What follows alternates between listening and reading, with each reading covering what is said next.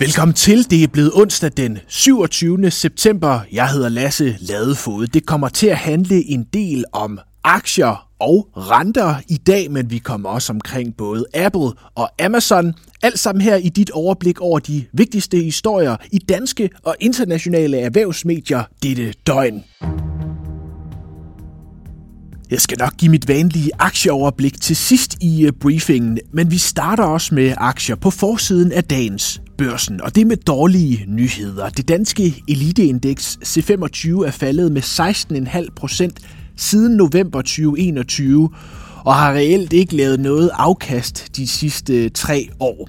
Det er faktisk kun øh, grundet Novo Nordisk succes, at indekset ikke er faldet mere. Ser man over de sidste 5 år, så har øh, 14 aktier i C25 mistet mere end en tredjedel af deres værdi, siden de ramte deres topniveauer. Ni aktier er mere end halveret i værdi, og så er der nogen, det er gået helt galt for, for eksempel GN, øh, Ambu og Ørsted, som er faldet mellem 70 og 80 procent i værdi.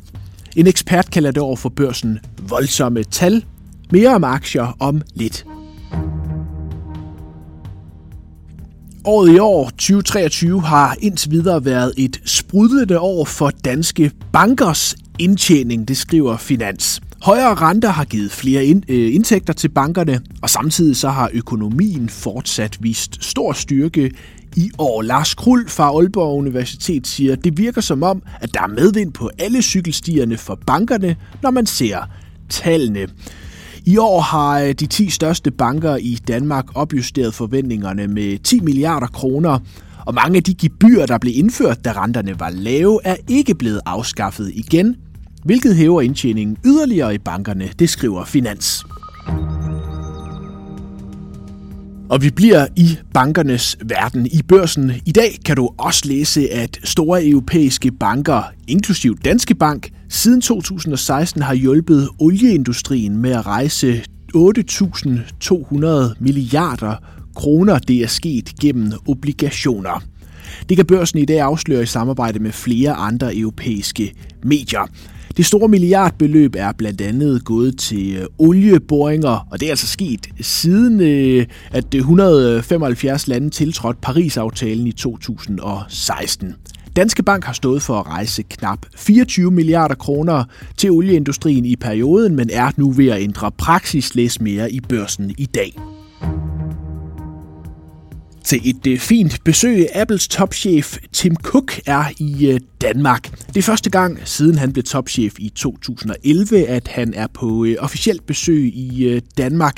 Tim Cook, Tim Cook ankom i aftes, hvor han blandt andet var på rundtur i Nyhavn med YouTuberen Rasmus Brohave.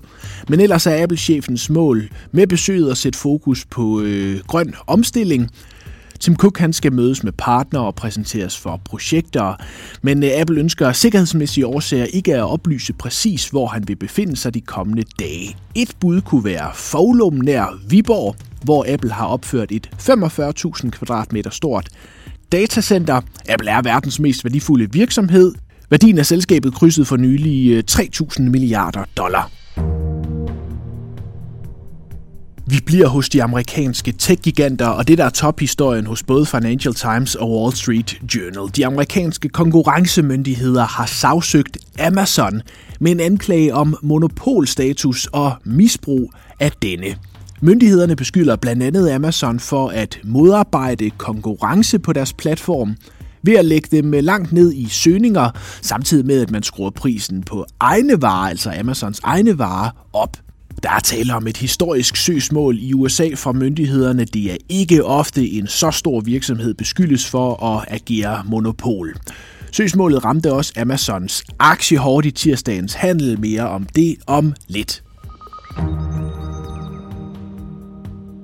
USA's vel nok mest magtfulde bankchef JP Morgan topchef Jamie Dimon, han øh, siger til CNBC, at geopolitik lige nu udgør den største risiko både mod markederne og mod verden som sådan. Det er en større risiko end både inflation og recession.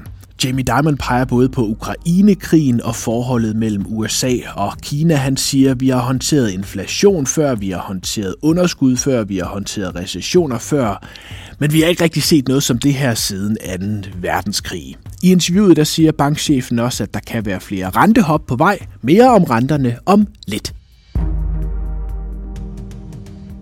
Først et smut forbi aktiemarkedet, der ikke har set godt ud det seneste. Døgn efter en kort pause fortsatte nedturen tirsdag. Dow Jones faldt 1,1% til det laveste niveau siden marts. Nasdaq faldt 1,6%. Amazon var med til at trække ned. Den faldt 4% på nyheden om, at myndighederne åbner sag mod dem. I Danmark blev Vestas bundskraber, den faldt 5,1%, Netcompany 4%, den aktie er nede med 70% siden toppen. Novo Nordisk holdt tirsdag igen, fristes man til at sige, indekset oven vande Novo steg 2%. Og vi slutter med et kig på det, der lige nu skræmmer investorerne og også risikerer at ryste boligmarkedet. De høje og stigende renter. Mandag var den 10-årige danske rente op over 3 procent. Det er det højeste siden 2011. Jeg har spurgt børsens cheføkonom Sten Bokian om, hvad det er, der sker på rentemarkedet. Jamen, der er først og fremmest sket det, at vi har fået et par centralbankmøder, hvor centralbankerne godt nok har signaleret, at vi er ved at være tæt på en rentetop måske endda er på en rentetop, men øh, at der ikke er udsigt til snarlige rente øh, sænkninger, fordi den underliggende inflation er for høj. Øh, og den underliggende inflation den holdes oppe af et stramt arbejdsmarked, både i USA og i Europa, som gør, at lønvæksten er højere end det, der er forenligt med en inflation på de her cirka 2%, som centralbankerne sigter efter. Jeg har også spurgt Sten om, hvad vi så kan vente os af renteudviklingen det kommende år. Jamen spørger man markedet og spørger man de danske analytikere, så forventes der egentlig et relativt hurtigt rentefald i løbet af 2024. Men man kan vel sige, at øh, markedet er blevet mere i tvivl over den seneste tid, og øh, jeg har da også personligt den opfattelse, at der godt kan komme til at gå et godt stykke tid, før at vi øh, reelt kommer til at se de rentefald, som en del analytikere forventer. Jeg vil ikke være overrasket, hvis vi skulle ind i efteråret næste år, og måske endda lidt længere frem i tid, før at, at lavere renter øh, igen kommer på tale. Og det handler igen om, at øh, det her arbejdsmarked, både i, Europa og USA, er meget stramt. Ja, sådan lød det fra Sten Bogian. Tak fordi du lyttede til denne briefing. Der er en ny øh, morgenbriefing klar til dig, når du vågner i morgen. Indtil da, nyd din onsdag.